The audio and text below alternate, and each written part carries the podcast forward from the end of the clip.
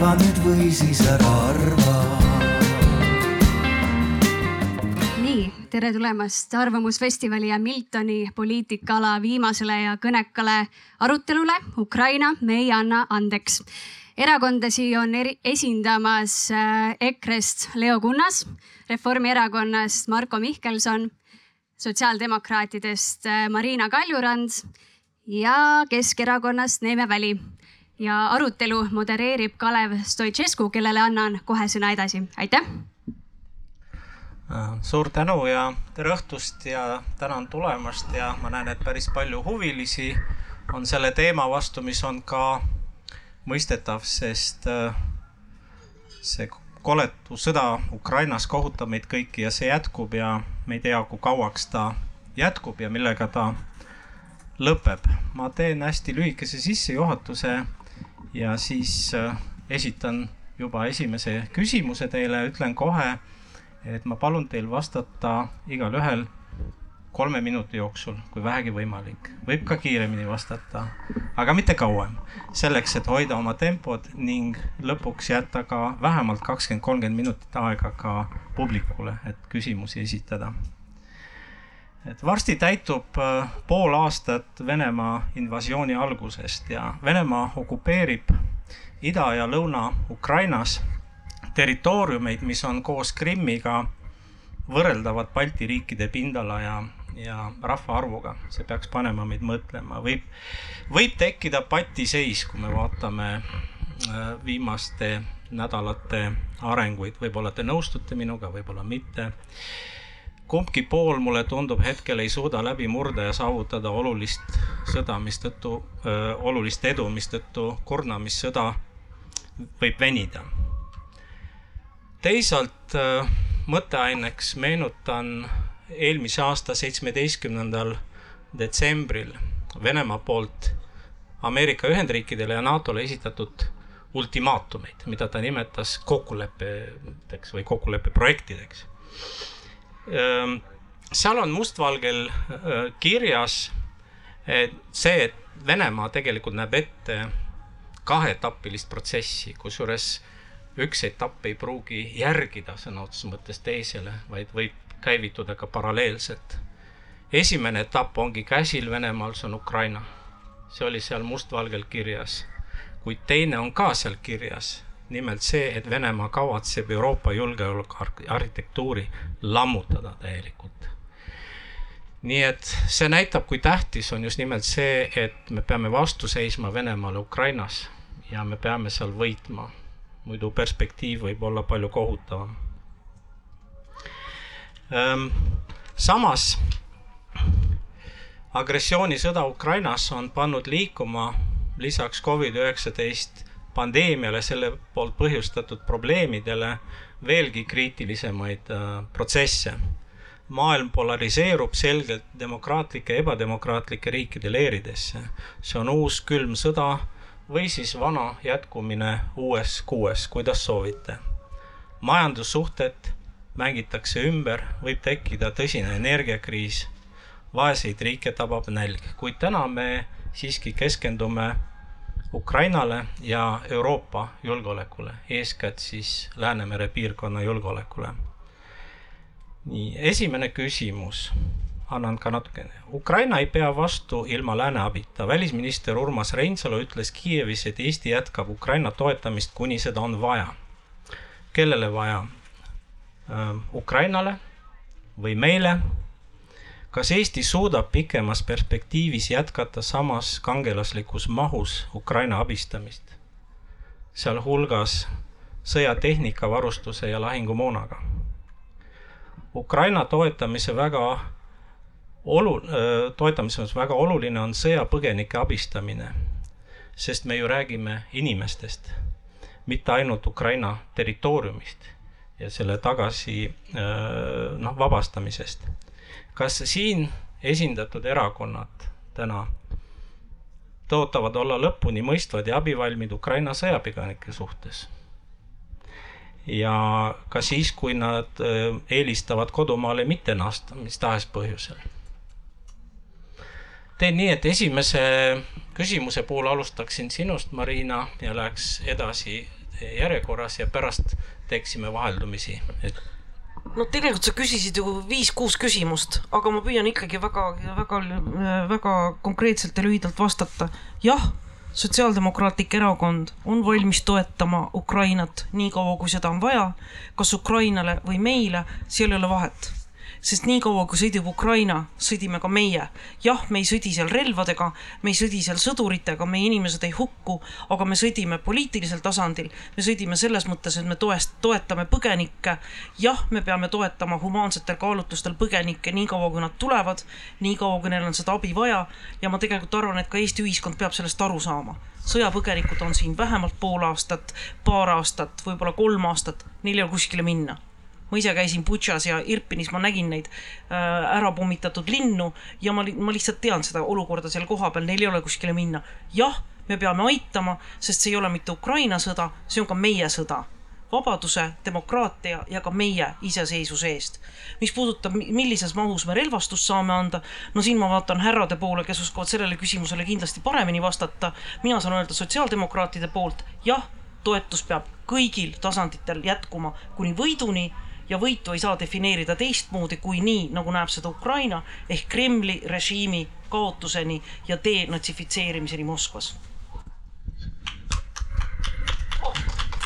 teenisid juba esimene aplaus. ega see maksis ka palju jah, kõigepealt ma alustaks, äh, Kalev, sellest, et äh, sõda ei alanud kahekümne neljandal veebruaril ja invasioon ei alanud kahekümne neljandal veebruaril, vaid kahekümnendal veebruaril kaks tuhat neliteist. sellest algab kõik ja kogu arusaamine sellest, mis toimub. Eh, ehk siis Venemaa peab üheksandat aastat vallutussõda, tänaseks juba hävitussõda eh, ühe eh, Euroopa riigi vastu sooviga taastada impeerium, mille hulka kuulub ka loomulikult meie riikluse hävitamine, nagu te olete ka Venemaa väljaütlemistest kuulnud, ehk siis loomulikult äh, on see sõda äh, meie sõda, tahame või mitte, ja on olnud juba aastaid. ja Eesti on panustanud mitte ainult selle viimaste kuude jooksul, vaid läbi kaheksa-üheksa aasta äh, diplomaatiliselt, arenguabi koostööna, aga seetõttu on ka arusaadav, miks me nii kiiresti riigina äh, lükkasime käima ka relvastusabi andmise. me olime ühed nendest, kes tegelikult ikkagi mõjutasid, kaasa arvatud ka Saksamaad tegema nii suurt äh, pööret oma, oma poliitilises otsustusprotsessis, et anda äh, siis ka relvaabi Ukrainale ja, ja, ja loomulikult meil ei ole mitte mingisugust alternatiivi. ükskõik, kas sa kuulud sotsiaaldemokraatidesse, Reformierakonda, Keskerakonda või EKRE-sse. me oleme eestlased ja me võitleme oma kodumaa eest tegelikult läbi selle, et me aitame Ukrainat võidule selle fašistliku režiimi vastu, kes on kehtestanud Venemaal ennast juba pikema aja jooksul KGB eestvõttel. ja kui see sõda ei lõpe meie võiduga, vaba maailma võiduga, siis me oleme kaotajad nii lihtne see ongi. Ja selleks, et seda saavutada, me peame ise abi andma Ukrainale nii palju, kui meie saame, aga läbi oma liitlaste loomulikult ja olema väga empaatilised nende inimeste kannatuste suhtes, kelle no ma usun, et me keegi ei suuda ette kujutada tegelikult seda äh, tragöödiat, mis äh, tuhandete, võib-olla sadade tuhandete inimestega äh, täna toimub, nii et, et me peame olema valmis aitama neid nii kaua, kui seda on vaja. aitäh, Neeme. ma arvan, et kuulajatel hakkab ilmselt igav, sest et ma väga suures mahus kordan kõike juba eespool öeldud, võib-olla ehk siis natuke teise nurga alt. Äh, see on meie sõda ja tegelikult on see meie õnn, et täna sõdivad ukrainlased meie eest. minu jaoks sõjaväelasena on see täiesti üheselt arusaadav. ja loomulikult tuleb Ukrainat äh, abistada selles sõjas. see sõda ei toimu mitte ainult Ukraina vastu, vaid nagu siit juba alguses läbi kõlas, see toimub tegelikult äh, kogu lääne kultuuriruumi vastu, lääne elulaadi vastu. et see on minu jaoks täiesti selge, siin ei ole mitte mingisugust kõhklust ega kahtlust. teine asi on see, et sellel sõjal ei ole mitte ainult sõjalised järelmid, aspektid, vaid äh, sotsiaalsed, majanduslikud ja nii edasi. ja ka nendele tuleb äh, pöörata väga tõsist tähelepanu. ma olen rääkinud äh, siin olevate ukrainlastega ja näiteks üks asi, mida nad ütlevad sulle kohe. esiteks tahame koju. aga teiseks, kui tegemist on siis lastega pereinimestega, väga oluline, millal sinna tagasi pöörduda, on üks väga lihtne asi kas koolid on lahti. Nii et siit te näete juba, missugused dimensioonid sellel probleemil on. see ei ole ainult sõjaline küsimus, sellel on väga palju tahke nii et Eesti lisaks sõjalisele abile kindlasti peab panema ja on ka pannud õla alla ka muudes küsimustes, sest see riik mingi hetk ju tahab ülesehitamist. aga minu arvates, milleks me peame olema valmis, on see, et see sõda ei saa olema lühike. see sõda võib veel kesta ja kestab pikalt ja selleks tuleb olla valmis ja me ei tohi ära väsida, sest veel kord, see on sõda meie kultuuriruumi meie lääne mõtteviisi ja kõige muu eest, mida me oluliseks peame. põgenike osas ma ei saa nüüd öelda erakonna seisukohta, kuna ma siiski pean ennast tänase päeva seisuga küll kutseliseks sõjaväelaseks, aga hobipoliitikuks, sest poliitika on minu jaoks niivõrd värske asi aga ma usun, et ma väljendan erakonna seisukohta, kui ma ütlen, et, et Ukraina põgenikke tuleb kõigiti igati toetada.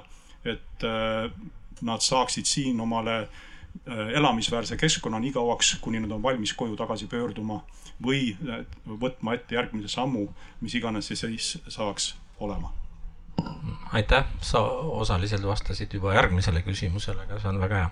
sa oled ettenägelik inimene, mis puudutab sõja kestvust aga Leo, palun. ja tänan. kolm minutit on väga lühike aeg, et aastal kaks tuhat kuusteist ma avaldasin ühe raamatu, mille nimi oli Sõda kaks tuhat kakskümmend kolm. ja nüüd ma näen, et see sõda täpselt selline tegelikult ongi, nii kuidas ma seda seal mõlemas stsenaariumis tegelikult kirjeldasin. Putinil on kaks peaeesmärki.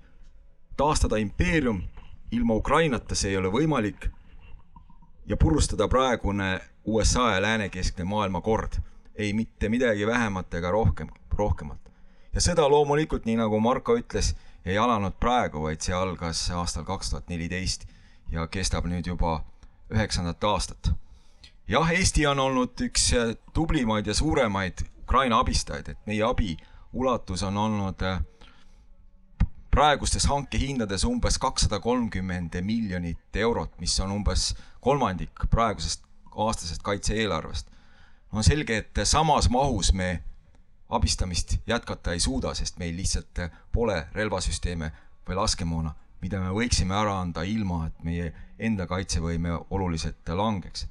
et Ukrainat ei saa sõjalisest võita, see oli algusest peale selge, aga kuidas Ukraina saaks nüüd ise sõjaliselt võita ehk siis saavutada vähemalt siis miinimumeesmärgi ehk saada tagasi territooriumid, mis on langenud agressori kätte alates kahekümne neljandast veebruarist või siis maksimaalselt saada tagasi kogu territoorium ehk siis ka Krimm.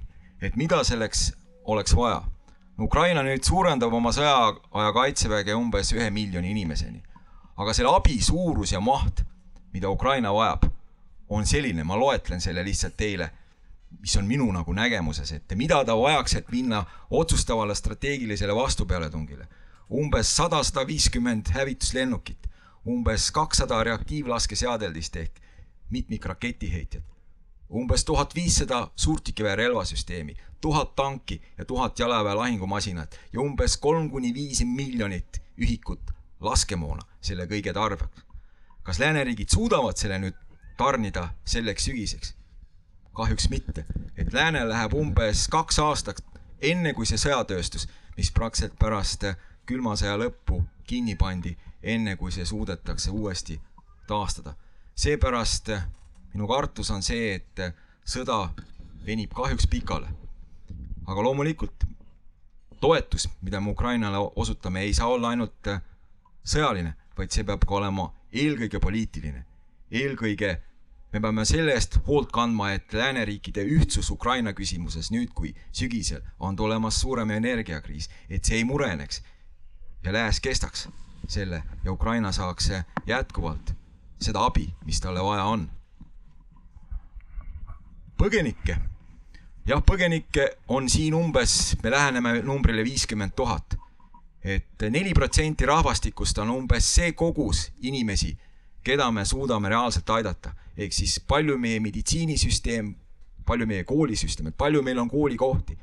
meil on umbes kümme tuhat koolikohta riigis potentsiaalselt vaba, et me oleme jõudmas sellele piirile, kus me selle kõik täidame, siis ongi küsimus, et, et kus on meie abi suutlikkuse piir. Ka see, mida EKRE juhid on küsinud, see ei ole olnud pahatahtlik, vaid see on lihtne küsimus, et kui palju on meie reaalne suutlikkus abistamiseks, ilma et meie endi elukvaliteet palju kannataks ja et need inimesed, kes siia tulevad, saaksid siin inim-, inimväärselt elada nii kaua, kuni, kuni sõda meie kõigi lootuseks võidu, võiduka lõpuni võiks lahendada. ja aitäh.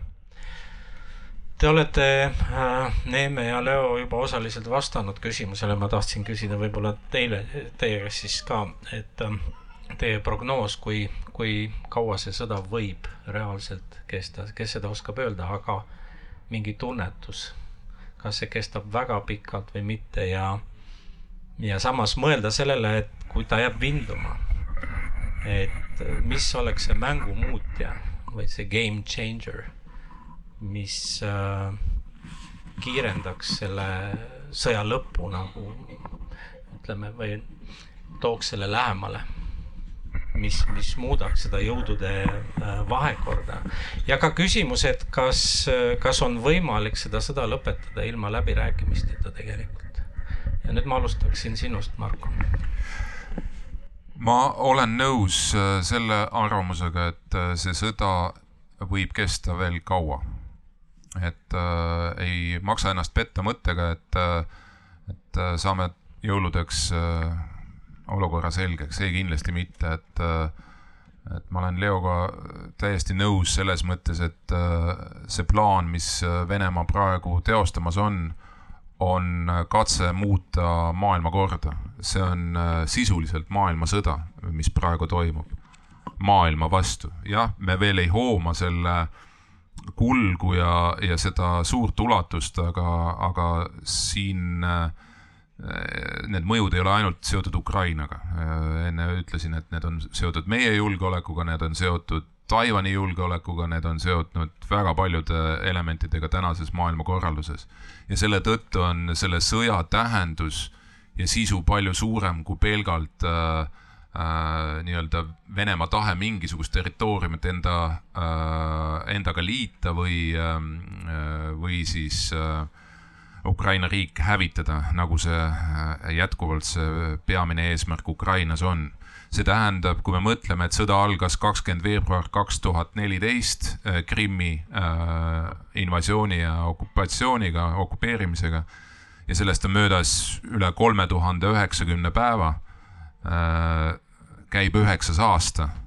et ma väga soovitan teil nagu mitte jälgida neid, kes räägivad või noh, mitte selles mõttes mitte jälgida seda, aga mitte lasta ennast petta sellest, et meil on sõja saja seitsmekümne, ma ei tea, mis iganes päev, ei ole ja see ongi kõige suurem vahe, sellest saab aru, et mis on tegelikult Venemaa eesmärk ja ta ei ole tegelikult ju selle aja jooksul teinud ühtegi sammu äh, tagasi. ainukene, mis siit saab seda sõda nii-öelda määrava lõpuni viia, meie jaoks määrava lõpuni on täpselt see, et Ukraina peab saama tööstuslikul tasandil, tasandil massiivset relvastust kuni kõige kaasaegsemate ründelennukiteni äh, välja, rääkimata siis tõesti sellest tulejõust, mis on vajalik selleks, et äh, okupeeritud alad tagasi vallutada. Ukrainal, viimane lause siin, ei ole väga palju aega vähemalt taktikalise initsiatiivi äh, näitamiseks.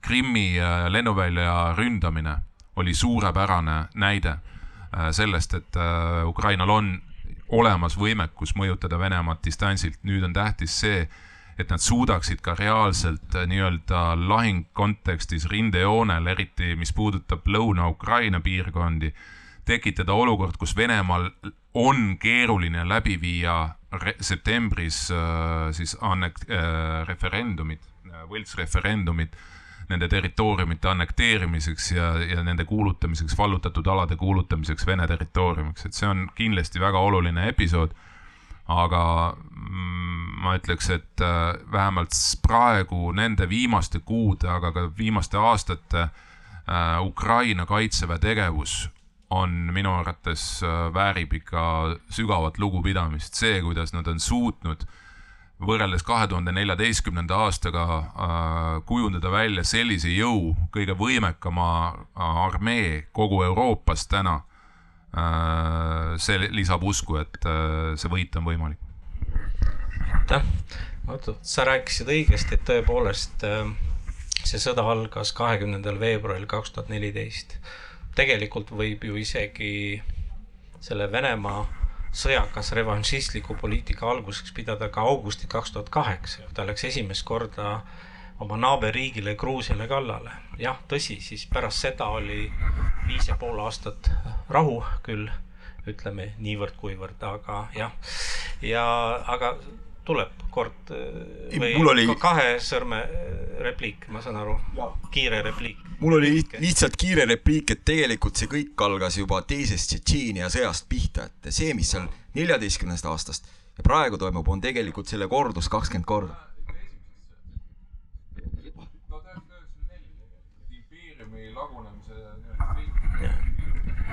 ma natukene täpsustan oma küsimust, enne kui ma annan äh, sõna äh, Neemele, et kas, mis, mis puudutab seda mängumuutjat, kas see võiks olla näiteks see, et, et see arusaamine jõuab ka vene rahvani, et see on sõda? minu jaoks see, et nad hakkasid põgenema sealt Krimmist ja see Putini sild oli umbes, kui nad nägid neid suitsusambaid seal Saki ähm, lennubaasist et äkki enne ei tulegi seda lõppu, kui see sõda mingil määral jõuab ka Venemaale, et, et venelased saavad aru, et see ei ole mingisugune televiisoris toimuv sõda, vaid see ongi sõda. Ja, ja see võib nendeni jõuda. et äh, sinnamaale see jääbki niimoodi kestma, et Putin imiteerib seda normaalsust Venemaal edasi ja ma pakuks välja tegelikult äh, kaks game changer'it ja, ja esimene äh, viibki sinna, millele sa, Kalev, viitasid, et äh, ja esimene selline, mis, mille mõju ilmselt on selline, tuleb välja pikaajaliselt protsessina, on, on asi, mida ma nagu üldistaks sõnaga ressurss, sealhulgas inimressurss et me teame ju, et praegu see sõda on võtnud sellise pöörde, et sisuliselt vaadatakse, kellel miski asi ennem otsa saab, saavad inimesed otsa, saab relvastus otsa, saab laskemoon otsa ja, ja siis see asi muutub. Ja Venemaa puhul siis ongi oluline, et kui saab otsa laskemoon, sõjatehnika, aga ka see õnnetu kahuriliha, mida kraabitakse suure Venemaa pealt kokku ja saadetakse lihtsalt surma. et kui need numbrid lähevad nii suureks ja kui samal ajal siis kuivab kokku tänu siis embargodele või, või millelegi muule ka see Vene riigi sissetulek, mille abil seda sõda finantseerida. et see mõjutab, see võib mõjutada nii, et see sõda lihtsalt hääbub, Venemaa ei suuda seda sõda enam pidada, üleval hoida. aga see ei juhtu kohe ja see on pikk protsess. nii et, et see on selline game changer pikaajalises perspektiivis. lühiajalises perspektiivis ma arvan, mis võib olla game changer noh, võib-olla mõni nüüd ehmatab, aga on, on see, kui keegi näpib nuppu. et, et see on jah, asjaolu, mida me ei tohi ära unustada, ikkagi ärgem unustagem, et üks sõdiv pool on tuumariik. ja kas nüüd Venemaal on tahet või soovi seda nuppu vajutada või mitte, selle üle on ju juba pikalt spekuleeritud erinevatel põhjustel loomulikult kõik arvavad, et ükski terve mõistusega liider seda ei tee. ja, ja see üheselt tähendaks ka seda, et ka Venemaa jaoks harjunud maailm lõpeb selle vajutamisega otsa, see on täiesti üheselt selge. aga teistpidi täiesti välistada me seda ka ju ei saa. nii et, et kaks sellist game changer'it minu arvates, mida, millele võiks mõelda. aitäh ähm,, Leo, palun Venemaa peab seda sõda praegu oma rahuaja relvajõududega, ehk siis ta pole välja kuulutanud ei osalist ega täielikku mobilisatsiooni. ja siin on ka lihtne põhjus nüüd, kui mõelda, et miks nad seda ei tee, et nad tahavadki seda sõda pidada nagu Tšetšeenia sõda, et rahvas sellest suurt midagi ei tea, relvajõud võitlevad ja muud jäävad sellest kõik kõrvale. et Putin tuleb viia nii kaugele, et, et tal ei jää muud üle, kui kas see sõda lõpetada või siis seesama laiaulatuslik mobilisatsioon välja kuulutada, mida ta teha tegelikult ei saa. ehk siis ta peaks jõudma välja surnud punkti. aga mis mulle muret teeb kogu selle olukorra suhtes, on see, et tegelikult Venemaad ei saa enne põlvili, kui nafta, gaasi ja toorainete raha maailmast, see vool Venemaale ei lakka. ja praegu kahjuks see, see nii, et see ei ole lakanud. ehk Venemaa teenib päevas kuskil miljard dollarit või eurot ja kulutab sõjale pool ja ta on ikka väikses plussis. et äh, lääneriigid peaksid äh, tunduvalt rohkem tööd tegema, et äh, kogu maailm ehk siis Hiina, India, Araabia riigid ja teised ka nendesse sanktsioonidesse kaasata, sest lääneriikide võimekus üksi Venemaad majanduslikult põlvili suruda, see võib olemas olla, aga see võtab väga kaua aega lihtsalt. et oleks, lääs peaks püüdma koondada praegu maailma enda taha sanktsioonide osas, nii nagu tegelikult Venemaa püüab vastupidi seda ühtsust lõhestada ja müüa rahulikult naftat edasi Hiinale, Indiale ja gaasi madalamate hindadega kui vaja. siin on see majanduslik küsimus ja, ja Ukrainal on siin selles mõttes raskused, et Ukrainal ei ole suuri loodusressursse ega mingit tööstustoodangut väga palju, mida ta saaks müüa ja Ukraina majandust purustatakse iga päev et ses suhtes äh, ei ole perspektiiv ilma selle ühtsuse saavutamiseta maailmas äh, väga hea. aitäh. läbirääkimiste aspekti ei ole te keegi kolmest eriti puudutanud, ma küsin siis sinu käest, Marina, et ähm, tegelikult iga sõda ju lõpeb lõpuks mingisuguse kokkuleppega, kui, kui seda lugeda lõppenuks, muidu seda ei saa ju lugeda lõppenuks, on ju, kui me räägime sõja lõpust või lõppemisest. et kas sa näed sellist perspektiivi, et see, et see sõda lõpeb ilma läbirääkimisteta? ja, ja samamoodi sinu arvamus game changer itest ma kuulasin, mida Leo rääkis ja ma kuulasin seda Leo osa, et tuleb saada rahvusvaheline üldsus Euroopa Liidu ja Ameerika sanktsioone toetama. ja ma tahaksin öelda, et olgem realistid, seda ei juhtu. sest vaadake, mis toimub ÜRO-s, vaadake, mis toimub rahvusvahelise üldsusega. jah, sada nelikümmend üks riiki toetas ja nimetas Venemaad agressoriks või toetas, äh, et Venemaa agressioon on vastuolus rahvusvahelise õigusega aga elanikkonna mõttes on see vähem kui pool maailma elanikkonnast. maailm on täna jagunenud, maailm on täna ideoloogiliselt jagunenud ja mina ei paneks lootusi täna ei India ega teiste riikide peale. ma leian, et Euroopa Liit ise ja Ameerika Ühendriigid saavad teha palju rohkem. ma panen korra pähe oma Euroopa Parlamendi mütsi. Euroopa Parlament võttis juba märtsi alguses vastu resolutsiooni, kus öeldi, et Venemaad peatab kohene ja täielik energiakandjate embargo kivisöele, gaasile, naftale. meil oli seal juures ka Euroopa Komisjoni president von der Leyen ja loomulikult oli küsimus, kas Euroopa elaks selle üle, kui me peataksime, mitte samm-sammult, mitte järk-järgult, mitte poolikult, nii nagu me seda praegu kõike teeme. tema vastus oli jaa. see saab olema kallis, see saab olema kulukas, aga see on tehtav ehk meie Euroopa Liiduna ei ole täna täielikult ära kasutanud neid majanduslikke mõjutusvahendeid, mis meil on. võtame kasvõi selle pangandussektori, see lõputu jauramine SWIFTiga kes läheb sinna alla, kes ei lähe sinna alla, millal milline pank läheb sinna alla. siiamaani ei ole sajaprotsendiliselt Vene pangad SWIFTist ära lõigatud. ehk me peame selle osa ära tegema. ja kui me teeme selle osa ära, siis jah, ma usun, et Venemaad saab rohkem mõjutada ka majanduslikult. jah, ma saan ka sellest aru, see lööb meie inimeste pihta. ja siin on ka äh, noh, siin ma vaatan ka meie, mul on hea öelda, sotsiaaldemokraadid on praegu valitsuses, loomulikult valitsus peab sellega tegelema et meie inimesed elaksid sügise üle, et meie inimesed elaksid talve üle, et äh, tuua need inim-, meie inimeste nii-öelda kannatused ja rahalised kulutused miinimumi peale. jah, sellega tuleb tegeleda, aga see on reaalsus. nüüd läbirääkimised keegi ei taha Putiniga läbi rääkida. aga ma arvan, et Putiniga tuleb milleski läbi rääkida. näiteks vangide vahetus. mingisugused küsimused, kus ta praegu lihtsalt on olemas, tast ei saa üle ega ümber. Putiniga ei saa ega tohi läbi rääkida mitte mingisuguseid pikaajalisi lahendusi. olgu see, ma ei tea, Euroopa tulevane julgeolekuarhitektuur või selle sõja nii-öelda lõplik lõpp rahulepinguga, seda Putiniga läbi rääkida ei saa, vaid ta peab olema lihtsalt põlvili surutud. Ja siis tuleb see rahu nendel tingimustel, mida tahab Ukraina ja mu viimane märkus, vaadates Euroopa Liidu poolt ja eriti vaadates ka Euroopa Parlamendi poolt, jah, mind teevad väga murelikuks mõned väljaütlemised. alustades sellest, et kuidas tuleb pidada läbirääkimised, et igal juhul tuleks rahu, mida räägib Orban. alustades sellest, mida ütleb Macron, kuidas tuleb tegutseda nii, et ikka Putin päästaks oma näo.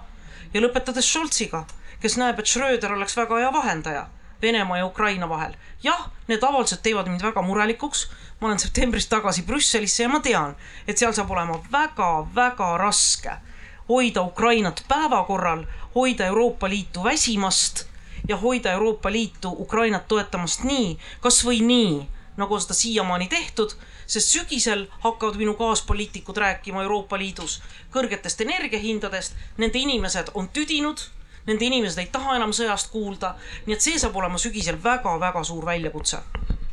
Aitäh, noh, sa ka juba ennetasid natukene järgmist äh, küsimust. jah, ähm, no tegelikult üks näide on see, et, äh, et Venemaa oli ja siis ma küsiks ka, miks oli Venemaa huvitatud sellest Ukraina teravilja väljaveo kokkuleppest. mis kasu saab sellest Venemaa? Äh, et Ukraina saab vilja välja vedada, raha teenida kuigi ma näen, et siin Venemaa ikka viskab kaikaid kodaratesse ka, et ega ukrainlastel ei ole lihtne viia, nägime seda Liibanoni case'i, kus ei olnudki võimalik äh, ja nii. Et äh, ja kui kaua see selline kokkulepe lõpuks peab? kui Venemaa sellest reaalselt mingisugust kasu ei saa peale selle, et ta püüab näidata, et näete, meiega on võimalik kokkuleppeid sõlmida ja lõppude lõpuks te ei pääse sellest, me peame mingisuguseid diile tegema, see on ju see, mida Venemaa ju taotleb sellega. aga sul oli kiire repliik. ja, ja minu arust vist Marko ka vihjas sellele juba, et tulles selle läbirääkimiste juurde, et äh, üks nagu minu arvates oluline asjaolu, mida ei tohi ära unustada, mis iganes läbirääkimistest me räägime. aga see, mis asi, äh, see, mis asi on võit selles sõjas millega see sõda, sõda lõpetatakse, et selle võidu definitsiooni peab andma Ukraina ja ei keegi teine. et see on nagu ka väga oluline asi, mida me peame meeles pidama. Võidu definitsioon peab tulema Ukrainalt. täpselt nii see on ja kas äh, Ukraina territooriumi vabastamine, kui, mida see tähendab, kas see tähendab ka Krimmi vabastamist või mitte ja see on äh, üks väga oluline küsimus. nüüd aga küsin, et äh, kui palju me saame olla kindlad, et lääne ühtsus püsib järgmistel kuudel, kui see sõda ju venib, sellepärast et see, nagu ma oma sissejuhatuses ka ütlesin, ma arvan, et Ukraina ilma tugeva lääne toetuseta ju ei saa pidada pikka sõda. nii et siin tekib vastuolu selles mõttes, et kui me ütleme, et see sõda venib pikal, aga kui meie toetus ka ei kesta samas, siis, siis see sõda võib lõppeda sellega, et Ukraina on lihtsalt kurnatud ja lõpuks on sunnitud äh, rahu paluma või nii, et äh, kuidas me väldime seda momenti. teiseks kas on võimalik, et äh, lähikuudel võib puhkeda mingisugune teine konflikt kuskil maailmas? Ja Venemaa on kindlasti sellest väga huvitatud, mis tõmbaks tähelepanu eemale sellest. seesama Taiwan'i küsimus, äh, võib-olla Serbia ja Kosovo vahel, noh, võib-olla ka Mägi-Karabahh Serbia ja Kosovo puhul ilmselt seal ei ole midagi puhkenud, sellepärast et Serbia president ja Serbia valitsus ei ole sellest huvitatud tegelikult, nagu ma aru saan. aga tegelikult oleks ju Venemaale suurepärane, et see tooks sõja Euroopa südamesse ja näitaks, näete, mida me võime teha, milliseid probleeme teile tekitada, et. aga nüüd ma alustaksin sinust, äh, Neeme nii, üks on Euroopa toetus ja. pikaajaliselt ja teine on ja. teise konflikti puhkemise võimalus. Äh, no minu äh, Brüsseli kogemus ütleb väga selgelt, et kui ma meenutan kõiki neid äh, strateegilis-poliitilise tasandi arutelusid NATO peakorteris, kui, kui räägiti mingisugustest plaanidest, mingisugustest tegevustest ja püüti siis määratleda, et mis on nagu need olulised kohad liitlaste jaoks. See, ütleme sõjalises keeles siis center of gravity, mida siis vastane kindlasti püüaks rünnata siis äh, alati jõutakse ühe ingliskeelse sõnani, see on cohesion ehk siis ühtekuuluvus, liitlaste sidusus, ühtekuuluvustunne. et see on alati alliansi puhul number üks raskuskese, mida siis äh, vastane püüab äh, rünnata. väga oluline küsimus, väga õieti ära tuntud ja, ja see lääs, lääne ühtekuuluvus, nii nagu ka Marina siin seletas, see ei ole iseenesestmõistetav.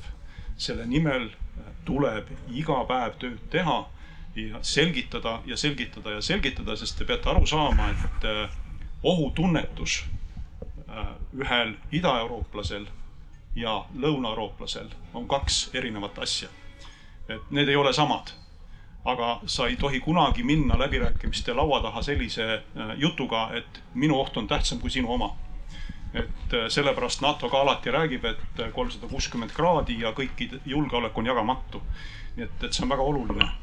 ja, ja lääne ühtsus on midagi, mis tõepoolest ei ole iseenesestmõistetav ja selle nimel tuleb meie diplomaatidel, meie poliitikutel igapäevaselt tõsiselt vaeva näha ja tööd teha, et see püsiks ja püsiks pikalt.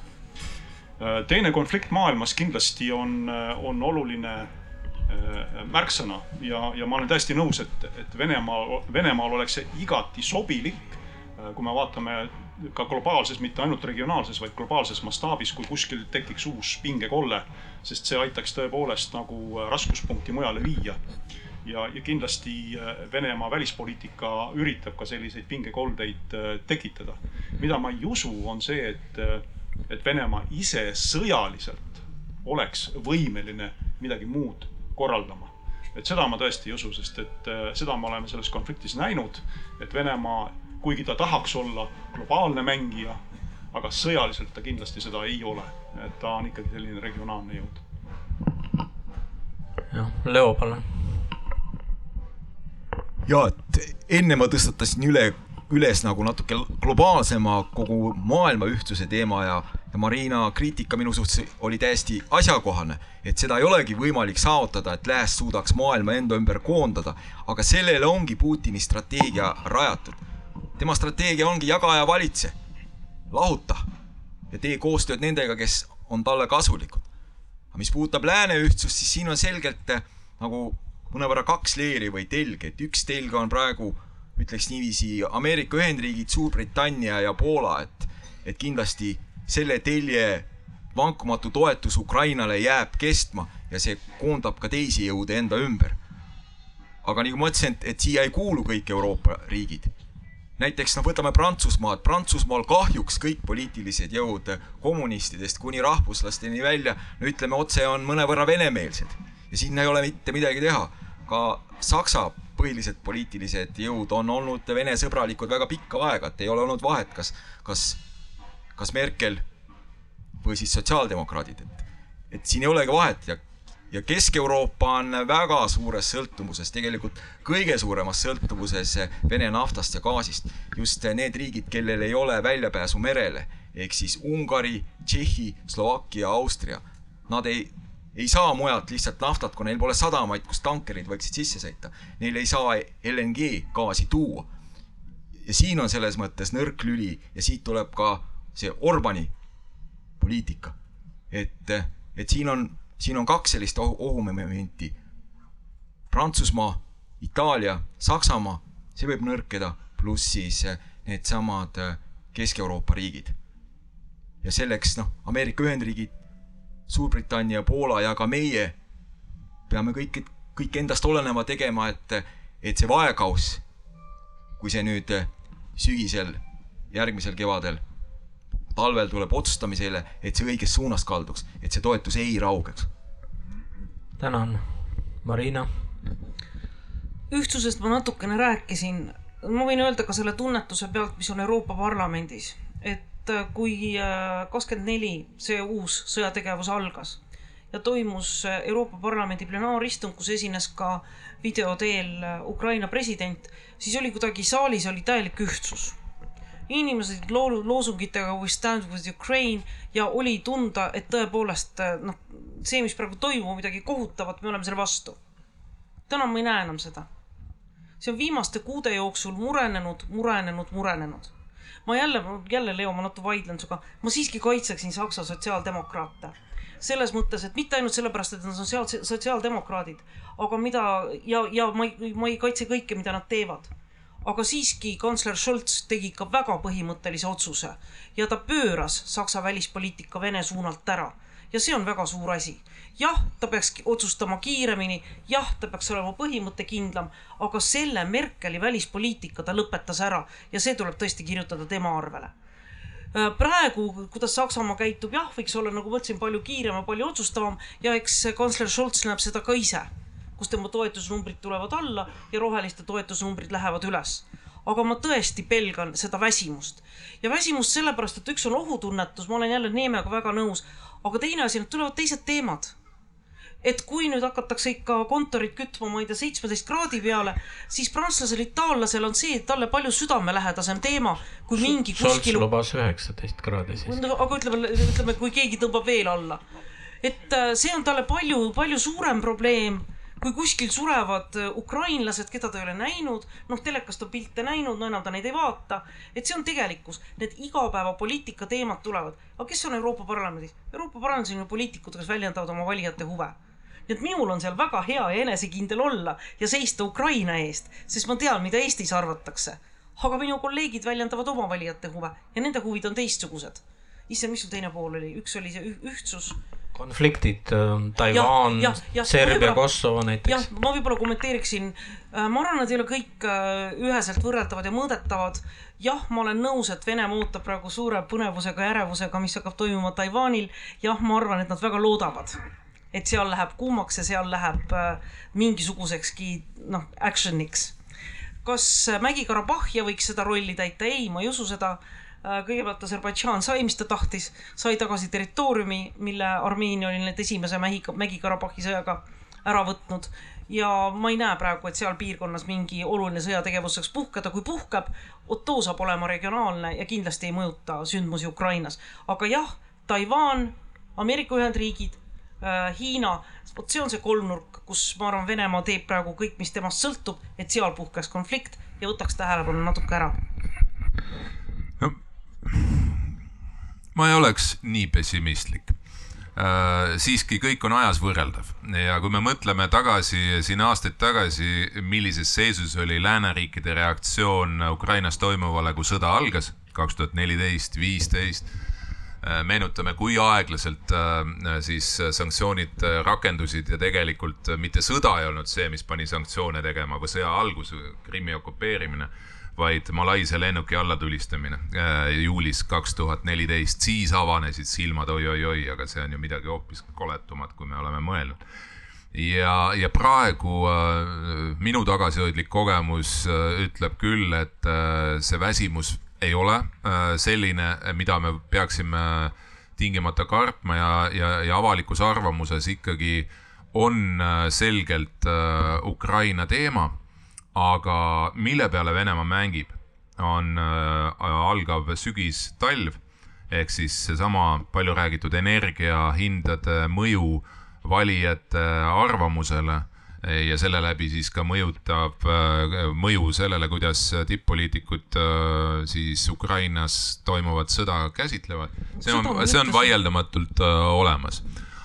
Kindlasti on USA vahevalimised, mitmed teised valimised, mis nagu mängivad siin oma rolli ja, ja hoiavad eemal, keskendumaks siis äh, Ukraina abistamisele sellisel määral, massiivsel määral, nagu seda tegelikult vaja oleks et see on mõnes mõttes nagu loomulik ja, ja siin ei ole midagi teha, et et siin on ka meie roll äh, väga oluline, meie diplomaatide, poliitikute roll, äh, Läti, Leedu, Poola, ärme unusta olulist äh, maavärinat, meie jaoks väga positiivset maavärinat meie regioonis, Soome ja Rootsi liitumine NATO-ga, mis saab tõenäoliselt, mis saab teoks loodetavasti selle aasta lõpuks, kui Türgi on ka oma ratifitseerimisprotsessi ära teinud ja, ja see on täiesti uus pilt olukorrast aga loomulikult on see, et me ei tohi endal lasta nagu tekkida muljet, et okei okay,, et hea küll, et, äh, et noh, et noh, küll, küll teised teevad, et see ongi meie võitlus.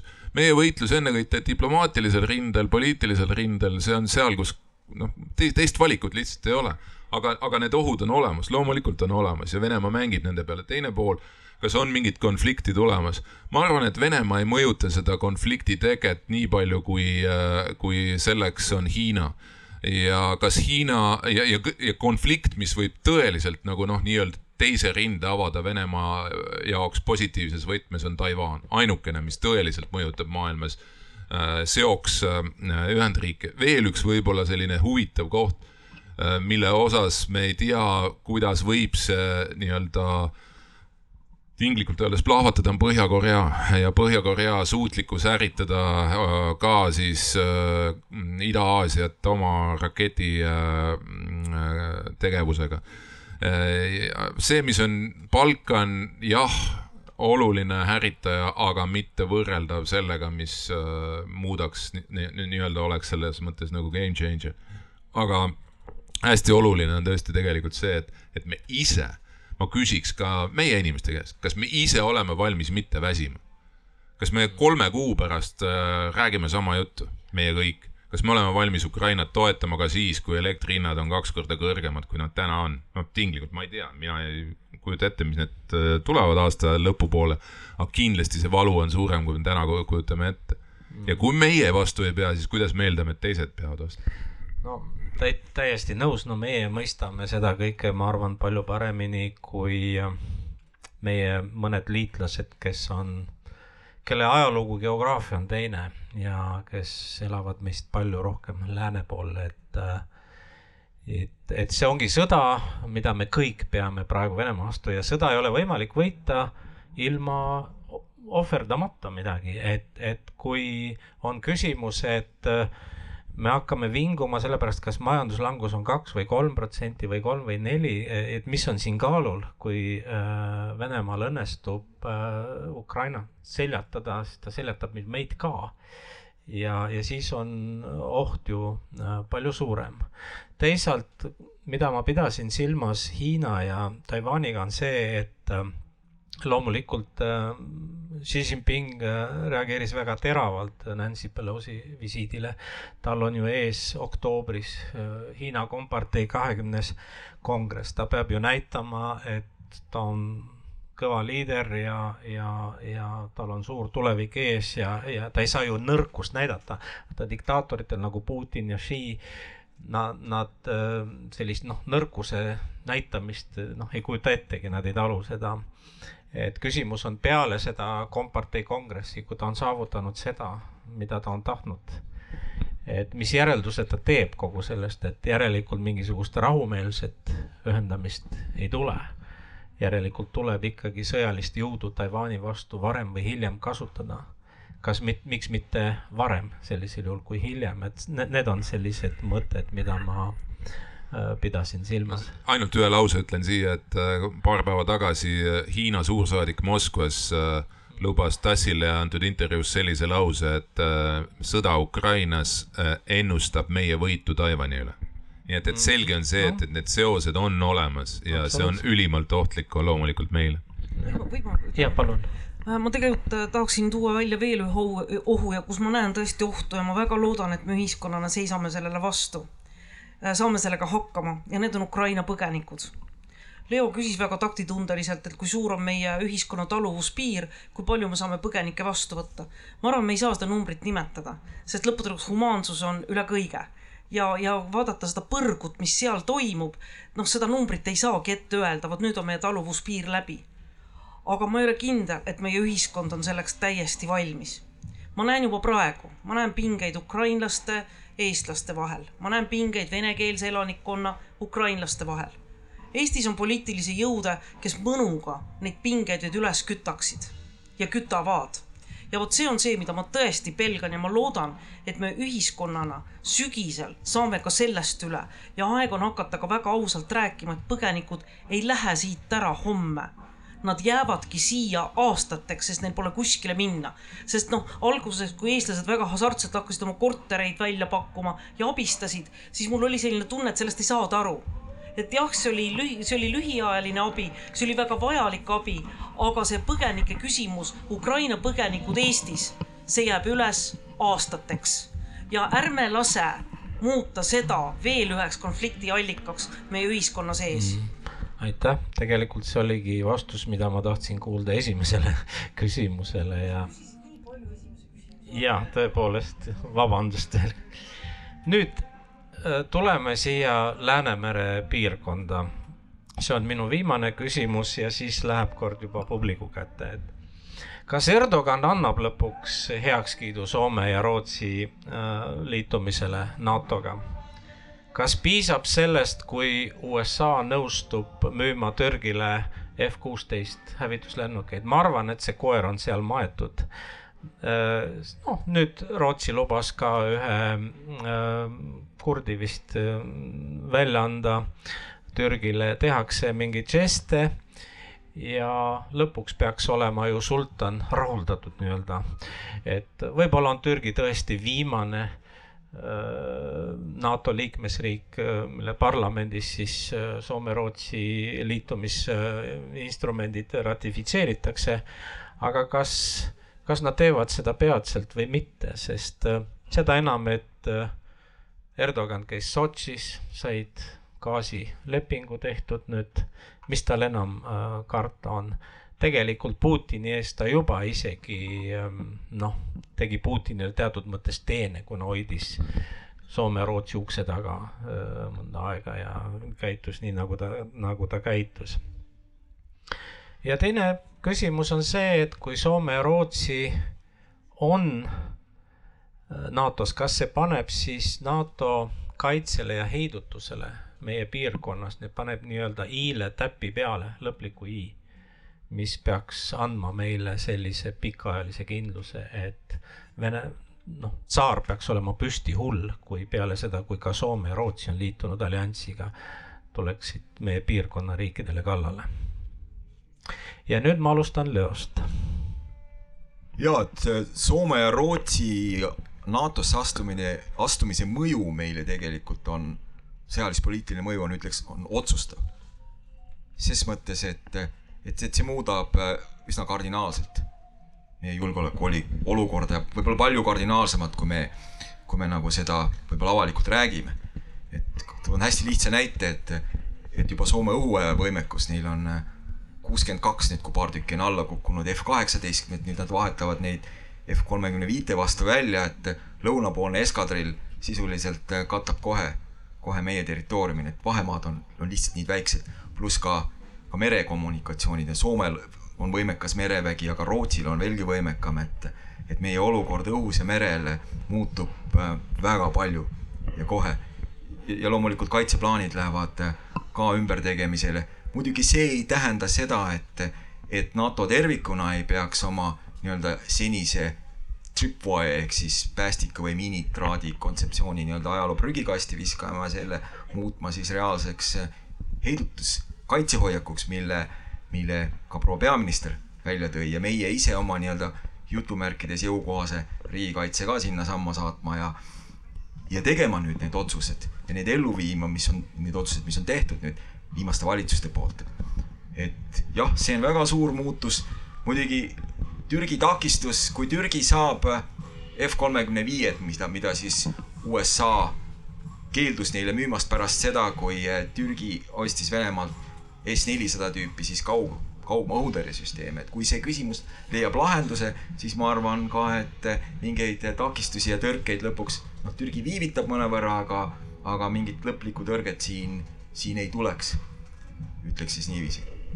aitäh Marina, mis on sinu arvamus? jah, ma arvan samamoodi, et äh, Türgi varem või hiljem ratifitseerib need lepingud ja Türgi on ju tuntud kaupleja. ei ole see esimene kord ja suure tõenäosusega ei ole see viimane kord, kus ta autos kaupleb, noh, te olete varem toonud neid näiteid meie kaitseplaanidega, kus Türgi oli vastu, lõpuks äh, oli nõus. nii et ma arvan, jah, kaupleb, kaupleb, saab midagi ja nõustub nüüd, mis puudutab Soomet ja Rootsit, siis noh, tegelikult ma rõhutaksin seda, et Soome ja Rootsi on olnud NATO partnerid aastaid.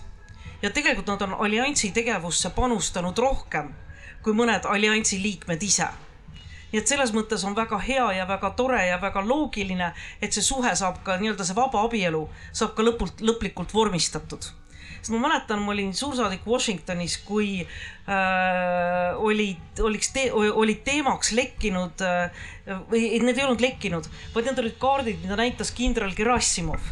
Ja tema kaartidel ei olnud vahet, kus lõppes Baltikum ja kus hakkas Soome ehk vene mõttes me olime ikkagi sama piirkond ja ma mäletan, kuivõrd see soomlasi siis raputas ja kuidas NATO liikmelisuse toetamine hüppas üles.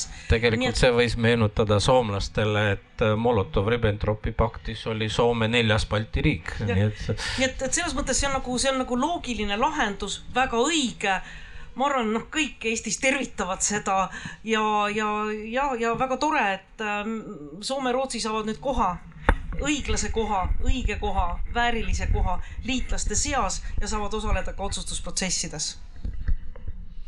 Marko ja ei äh,, nagu juba korra mainisin, siis äh, ma arvaks, et äh, selle aasta lõpuks on see ratifitseerimisprotsess ikkagi jõudnud sinnamaani, kus me võiks öelda, et äh, Soome ja Rootsi saavad ametlikult ennast äh, kuulutada NATO liikmeteks. praegu on kakskümmend kolm riiki kolmekümnest teinud ära ratifitseerimise kõik olulisemad äh, riigid, noh, Ameerika Ühendriigid tegid viimasena praegu.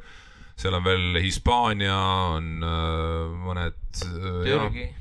Portugal, aga kõige olulisem loomulikult Türgi äh,.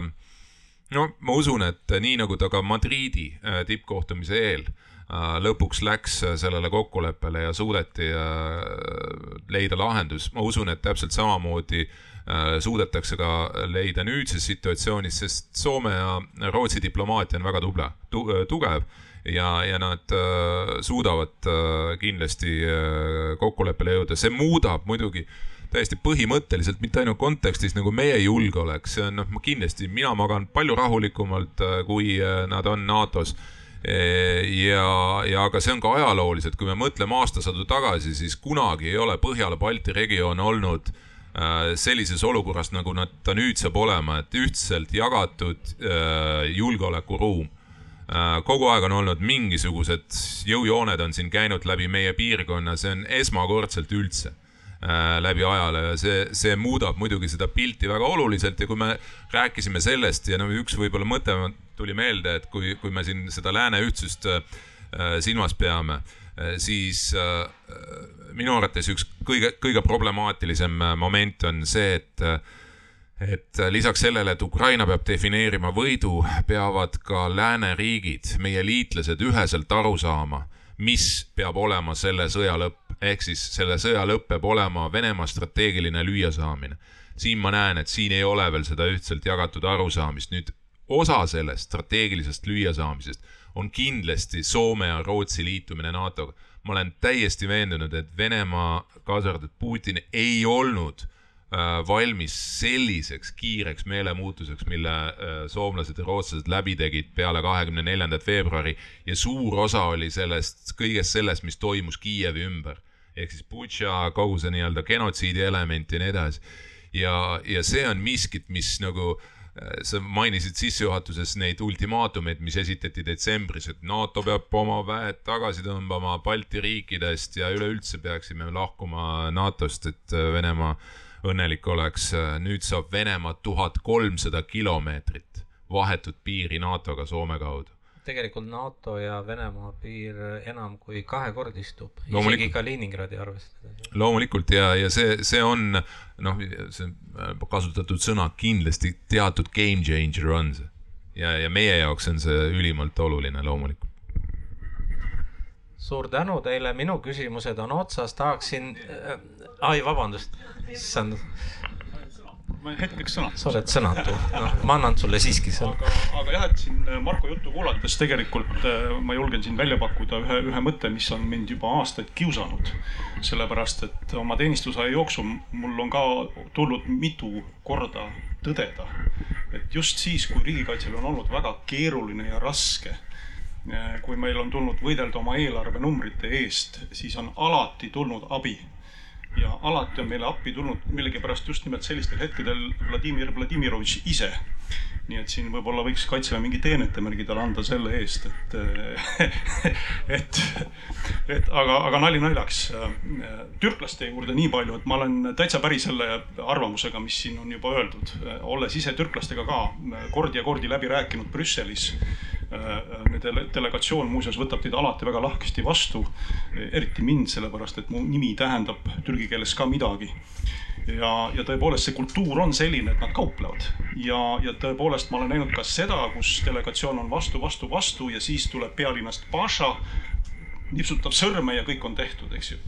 nii et, et tõepoolest ma arvan, et nad hoiavad seda asja kuni viimase piirini ja siis lõpuks noogutavad armulikult ja Soome ja Rootsi saavad heakskiidu NATO-sse astumiseks nende poolt ka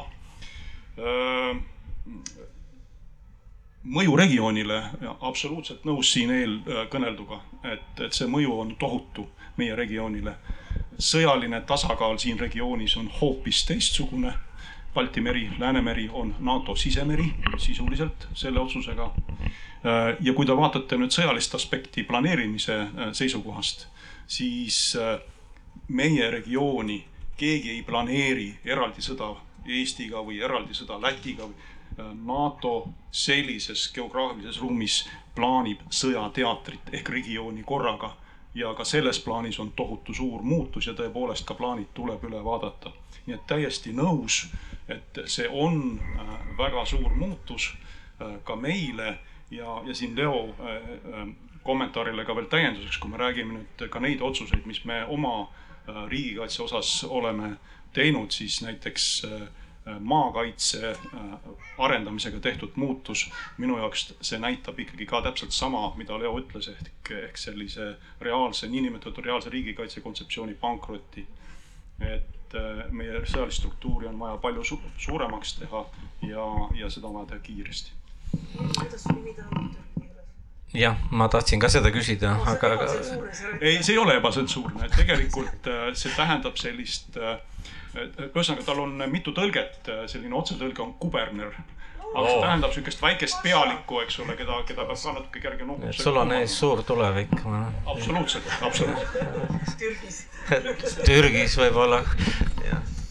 no minul ka kaks ähm, märkust, äh, kuna äh, sa rääkisid, et Putinile võiks anda ordeni, et kunagi ma viskasin ähm, sellise nalja, et ähm, kuivõrd Venemaa on alati küsin või noh, Vene juhtkond ja Putin, et, et, et kuidas siis nii, et Varssavi pakt läks laiali, aga näete, NATO ei läinud, see teine nii-öelda vastasplokk ja ja muudkui eksisteerib edasi ja laieneb ja see ongi justkui noh, neil on see vastukarva ja ma olen öelnud, et miks siis, et kes, kes on siis selles süüdi, et NATO eksisteerib edasi ja ja, ja, ja kohaneb uute oludega väga edukalt ja laieneb, et, et siis võiks ju Brüsselis NATO peakorteri juures püstitada äh, siis ausambaid kolmele mehele, keda tuleks selle eest tänada, et esimene on Slobodan Miloševič, teine on Osama bin Laden ja kolmas on muidugi Vladimir Putin, et. et siis oleks siis vastus sellele küsimusele äh, antud ja, ja teine, mis tuli ka ühest vastusest välja, on see, et me oleme olnud ähm, NATO-s, Euroopa Liidus pigem reaktiivsed kogu aeg, me oleme teinud suuri otsuseid ja viimase kümne aasta jooksul või nii. aga Putin on tegelikult sundinud meid neid tegema kaasa arvatud see, et ega enne see, kui, kui Venemaa tungis ähm, noh, ütleme, võttis Krimmi ära ja, ja annekteeris ja nii edasi ei olnud ju mitte mingisugust NATO kohalolekut noh, kõige uuemates liikmesriikides. ei olnud vägesid eelpaigutatud, ei olnud staape, ei olnud mitte midagi praktiliselt, välja arvatud see Balti õhuturve, see, mis oli Leedus ainult neli lennukit ja kogu lugu. nii et Putin on ise esile kutsunud kõiki neid asju, nii et tegelikult võiks ju raamatu välja anda Putini heategudest, mida ta on siis teinud. Meie jaoks, et lõpuks oleme jõudnud sinnani, et me peame ju ähm, noh, loobuma ka siis Venemaa energiast ja kõigest muust, mida me oleme kogu aeg rääkinud, aga neid otsuseid ei ole tehtud, kuni Venemaa on ise viinud äh, olukorra äärmuseni, et me oleks sunnitud seda tegema. kuigi me oleme ju ammu mõistnud, et Venemaa on neid kasutanud meie vastu geopoliitilise relvana. kui tohib, et äh, ma oleks väga ettevaatlik rääkimaks Putini heategudest. tegemist on fašistliku diktaatoriga, kes tegelikult peab lõpetama Haagi või Nürnberg kaks kohtus. aga ma arvan, et mis on oluline, lihtsalt hästi kiire remargina, et sa mainid, et me oleme olnud reaktiivsed, kahjuks me oleme veel siiamaani reaktiivsed mm. -hmm Äh, lääne, äh, noh, seesama ühtsuse kontekstis paljud ikkagi jätkuvalt loodavad, et äkki see kuidagi laheneb. äkki saame mingi vaherahu. Kissinger pakub, et äkki äh, Ukraina võiks midagi loovutada territooriumist selle rahu nimel, eks Sa, sama on, sama on natukene vihjatud ka, eks ju, Prantsusmaalt ja nii edasi, siis on neile meelde tuletatud, kui palju see tähendaks nende territooriumi eest, kui peaks ära keegi midagi andma. ehk siis tegelikult küsimus on selles, kas me lõpuks jõuame sellesse faasi, et meil on mingisugune etteulatuv proaktiivne strateegia Venemaa suunas. et see, et me sinnani oleme jõudnud, ei ole mitte Putini teene, vaid tegelikult meie tegemata jätmine. see, et tuhanded ja kümned tuhanded inimesed on hukkunud on see, et, et, et kaks tuhat neliteist ei võetud tõsiselt seda, et Venemaa on alustanud sõda Ukraina vastu. Äh, siis juba oleks pidanud viima lääs oma väed tegelikult Ukrainasse vähemalt äh, massiivselt hakkama neid toetama. et välist, vältida selle, mis, kuhu me oleme jõudnud, kaks tuhat kaheksa oleks pidanud andma Ukrainale ja Gruusiale selge NATO liikmelisuse tegevuskava ei antud, selle tulemusel algas Gruusias sõda Venemaa poolt. nii et ma ütleks niiviisi, et, äh, et ma väga loodan, et olukorras, kus meid täna palju rohkem kuulatakse, meid, meie diplomaate, meie poliitikuid äh, läänes, et me mingil hetkel ikkagi sellest müürist läbi murrame. Tänan nende märkuste eest, ma ütleks ühe asja veel, enne kui ma pöördun publiku poole, et minu meelest Venemaa püüab meist teha partnereid ähm, kuriteos, partners in crime. see, kui ähm, Moskva propaganda räägib sellest, et äh, Poolas lott on juba käibel äh, Lääne-Ukrainas ja jagatakse Poola passe ja tekitakse Poola kodanikkonda seal ja ja Poola võtab juba üle selle, see on tegelikult üleskutse Poola jagamisele, olgem ausad, või vabandust, Ukraina jagamisele, nii et, et me võtame selle idaosa, teie võtke siis ülejäänud ja sellega on ühtlasi ka Ukraina riiklus ära likvideeritud ja, ja nii edasi, nii et ja tegelikult ju Putin on tõsimeeli rääkinud sellest Poola ühe endise presidendi Kvasnevskiga sellest äh, on siseallikad varem rääkinud ja, ja päris tõsiselt, mitte naljaga pooleks, et võiks pool äh, Ukraina ära jagada ja. aga ma annaksin nüüd siis järje äh, publikule, et palun küsige julgelt küsimusi ja täpsustage, kas te küsite seda kogu paneeli käest või siis äh, kelle käest te soovite vastust saada. tere õhtust minu nimi on Rein ja, ja ma kannan ka laigulist mundrit nagu teiegi, ainult et auaste on tunduvalt madalam, kapral ainult.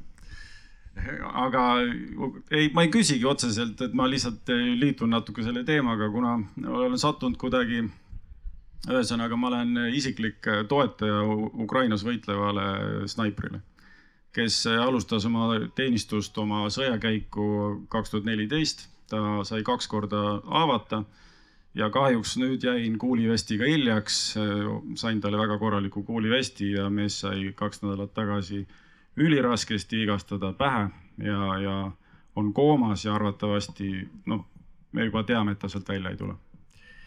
aga eh, sellest toetusest ja kuidas Ukrainast, kuidas Ukrainat toetada ja, ja mis sinna saata ja mismoodi, siis eh, ärge unustage, need, kes me oleme Vene aja inimesed või Vene ajast tulnud Ukraina on slaavi maa ja väga sarnane Venemaaga, siis selline korruptsiooni teema ei ole Ukrainast mitte kuskile kadunud. ja kõik see, ütleme, see lääne abi, mis siis sinna Ukrainasse jõuab, siis see on nüüd see otse, otsekontakt, mis siis see sõdur palus ju minu käest, ongi see, et see jõuab Kiievisse, see jõuab keskladudesse ja seal on ikkagi keegi Dima või Juri või keegi teine, kes saab selle varustuse endale ennem kätte, kui ta sinna lahingsituatsiooni jõuab. ja kui mees saadab mulle snaiper, kes on Slovjanskis lahingpositsioonil, saadab mulle pildi oma saapast, mis on siis äh, MacGyver teibiga, tald on saapa külge kinni tõmmatud, ütleb, et meil pole enam saapaid. meil on varustus otsas, meil on laskemoon otsas, meil on toit otsas. ja noh, täiesti, täiesti jama olukord. Ostsin, ostsin siis talle väga uued uhked Ameerika sõjaväe saapad, noh nädal aega kestsid need saapad.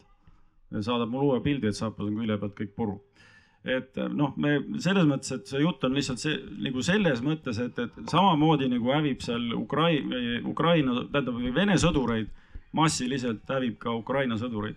et seesama miljon meest, ma ei tea, kus see miljon meest on, seda juba on ammu räägitud, et pealetung algab. Seda pealetungi veel väga alga, alanud ei ole. palun siiski jõuda küsimuseni. ja ei, ma küsimus, see lihtsalt ma nagu ma ei, otse, see ei olegi otsene küsimus, ma lihtsalt äh, nagu teemas nagu jätkan. ja see teine, see game changer'i teema. Äh, alles täna ma kuulen siin esimest korda, mul, minu mõttes oli see juba ammu, et äh, nüüd me pääsesime väga napilt selle Pelosi käik sinna Taiwan'i. Et see, mis Hiina nüüd tegi seal ümber Taiwan'i, kui nüüd tõesti Hiina ründaks Taiwan'i, siis Ameerika Ühendriigid on lubanud kaitsta Taiwan'i viimase veretilgani ta seob ära seal Ameerika väed. teine variant, Põhja-Korea ründab Lõuna-Koread. Ameerika on lubanud kaitsta Lõuna-Koread viimase veretilgani, ta seob ära seal Ameerika väed ja enam seda abi Ameerikast, mis on kõige suurem abiandja Ukrainale, enam ei tule. nii Mul..., suur tänu, anname teistele ka võimaluse, aitäh oh, või, või ma kommenteerin seda abi. Äh, jah, ma olen teiega ka selles mõttes nõus, et Ukraina korruptsioon ei ole kuskile kadunud seda on Euroopa Liit rääkinud ja räägib siiamaani. kui Ukraina sai Euroopa Liidu kandidaatstaatuse, see ei muutunud korruptsiooni olematuks.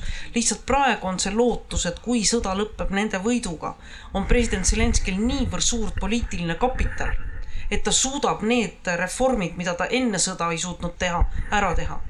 Ja abi kohta, nii palju kui mina jälle tean, olen vaadanud noh, väli, endise välis, välisministrina ja välisministeeriumi ametnikuna, siiski me anname abi väga palju partnerite kaudu ka Mondo töötab konkreetsete partneritega. Ja noh, see on oluline tõesti, et see abi ei kuhjuks kuskile, kus ta kaob ei tea kuhu, vaid et oleksid partnerid, kelleni see jõuab, kes on usaldusväärsed ja kes selle edasi toimetavad.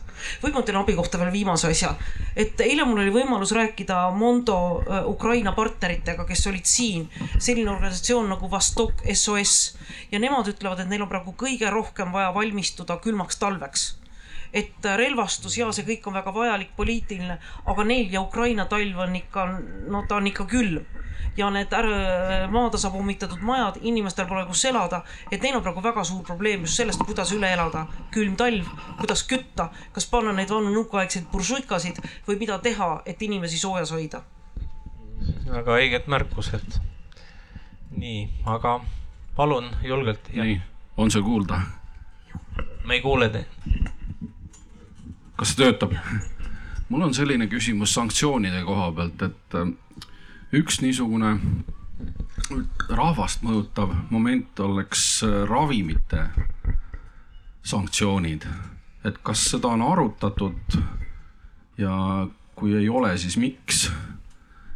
et ravimitööstus on ju üks selline asi, mis saaks rahvast üsna tugevalt mõjutada ja mõjutaks seda noh, nii-öelda Vene riigi prestiiži, et nii palju, kui ma kuulnud olen, et nad isegi penitsilliini ei suuda ise toota. aitäh.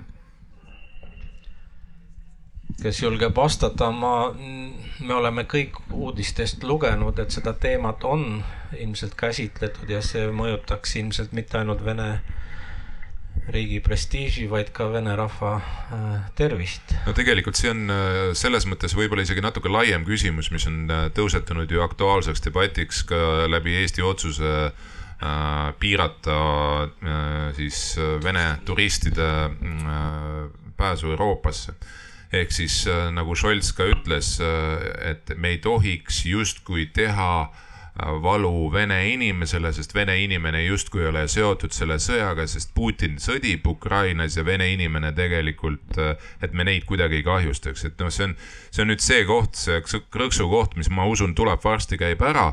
See arusaamine, et tegelikult Venemaa sõdib. suur enamus venelastest toetab seda sõda. Ja enne kui see valu ei jõua tavalise inimeseni, et ta ei hakka küsima et mis siis ikka tegelikult toimub, no sa mainisid seda Krimmi näidet, eks ju, ja nii edasi, siis võib-olla ka need elemendid äh, on siis äh, selle vähese hulga venelastest, kes välismaal käib, kolmkümmend protsenti umbes liigub äh, Venemaalt välja üldse nende nii-öelda tavaelu piiramine ja, ja noh, eks ravimitega on natuke keerulisem, eks Venemaa ravitöö, ravimitööstus on ka tegelikult ikka täiesti eksisteerib, aga seal teatud elemendid nagu hambaravist kuni võib-olla jah, te mainisite penitsiliini, võib-olla veel miski, kus, kus tekivad teatud kindlasti defitsiidid, aga siin on see, see oluline nii-öelda vaidluskoht, mis tuleb läbi teha meie lääne äh, liitlastega on see, et, et me ei tohi tegelikult äh, ennast petta. see on Venemaa ja väga suure osa Vene rahva sõda meie vastu. kas keegi soovib midagi lisada? ma olen ka täitsa seda meelt, et, et kõik need sanktsioonid ja piirangud tõeliselt hakkavad toimima siis, kui mõju ei ole mitte mingisugusele kitsale ringile, vaid tervele vene rahvale. aga siin ongi see häda tõepoolest, et, et kust läheb see nii-öelda punane joon, kuigi punaseid jooni on alati väga, väga rumal tõmmata, sest neid tuleb hakata ka siis täitma. Ja, ja noh, võib ju arvata, eks ole, kui me räägime ravimitest, siis õige pea on meedia täis selliseid pilte, kuidas on voodihaiged, eks ole, kes surevad siis nende neetud lääne kapitalistide pärast, eks ole, ja nii edasi. Nii et, äh, et kindlasti siin tuleb väga hoolikalt äh, läbi mõelda, äh, mida me teeme, aga veel kord jälle sanktsioonidel on ainult siis, neist on siis ainult kasu, kui, kui mõju on võimalikult lai. ja no isiklikult ma võin lisada, et ma olen selle teema kohta üht-teist lugenud, mulle tundub, et just nimelt Saksamaa farmaatsiatööstus äh, on vägagi seotud Venemaaga ja seal on väga suured ärilised huvid äh, mängus ja nad ilmselt ei ole nõus ähm, paugu pealt katkestama neid äh, majanduslikke sidemeid Venemaaga. Üks küsimus oli, jah, palun. tere õhtust, äh, organisatsioonides on tavas, et tavaks, et liikmed täidavad selle organisatsiooni reegleid, nüüd on Venemaa on, on justkui nagu rikkunud millal ja kuidas võiks juhtuda see, et Venemaa kaotab ÜRO Julgeolekunõukogus oma vetoõiguse? no ma ei tea, paneme hääletusele, ma olen poolt. võiks kohe selle ära kaotada. ma arvan, et äh, ei no loomulikult elementaarne, eks ju, et äh, ühest organisatsioonist Venemaa siiski välja visati Euroopa Nõukogust kust oleks ta pidanud ka ammu välja viskama, aga noh, nüüd äh, ukrainlaste verehinnaga see ikkagi juhtus lõpuks ÜRO, noh muidugi ÜRO on loodud teise maailmasõja tulemina. Selleks, et see muutuks, peaks toimuma uus maailmasõda. ma ei näe teist varianti. No öelge mulle palun, kuidas on võimalik, et me jõuame isegi seda palju räägitud ÜRO Julgeolekunõukogu reformi, eks ju. Et no see ei ole võimalik, lihtsalt noh, põhimõtteliselt ei ole võimalik, et mõelgem, kes seal nagu neid viiuleid mängivad, ennekõike Venemaa ja Hiina kontekst. Ähm, kas me tahame seda, et tuleb maailmasõda mm, sellisel viisil, mis lööb segamini kogu maailma? no ma arvan, et me ei taha, sest ükskõik äh, kuidas see ka ei kulgeks, meie saaksime väga palju pihta seal.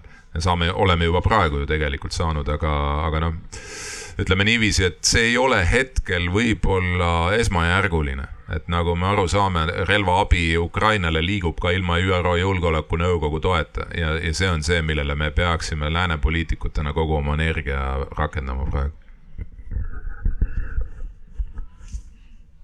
No mina lisaksin omalt poolt, et ma kirjutasin ka edasi.org-ile äh, artikli rahvusvahelistest organisatsioonidest ja nende tulevikust, et need mammutorganisatsioonid, mille liikmed on siis äh, demokraatlikud riigid ja teisalt ebademokraatlikud, nagu on meil ÜRO-s, on OSCE-s, nad on praktiliselt halvatud praegu, nad ei toimi.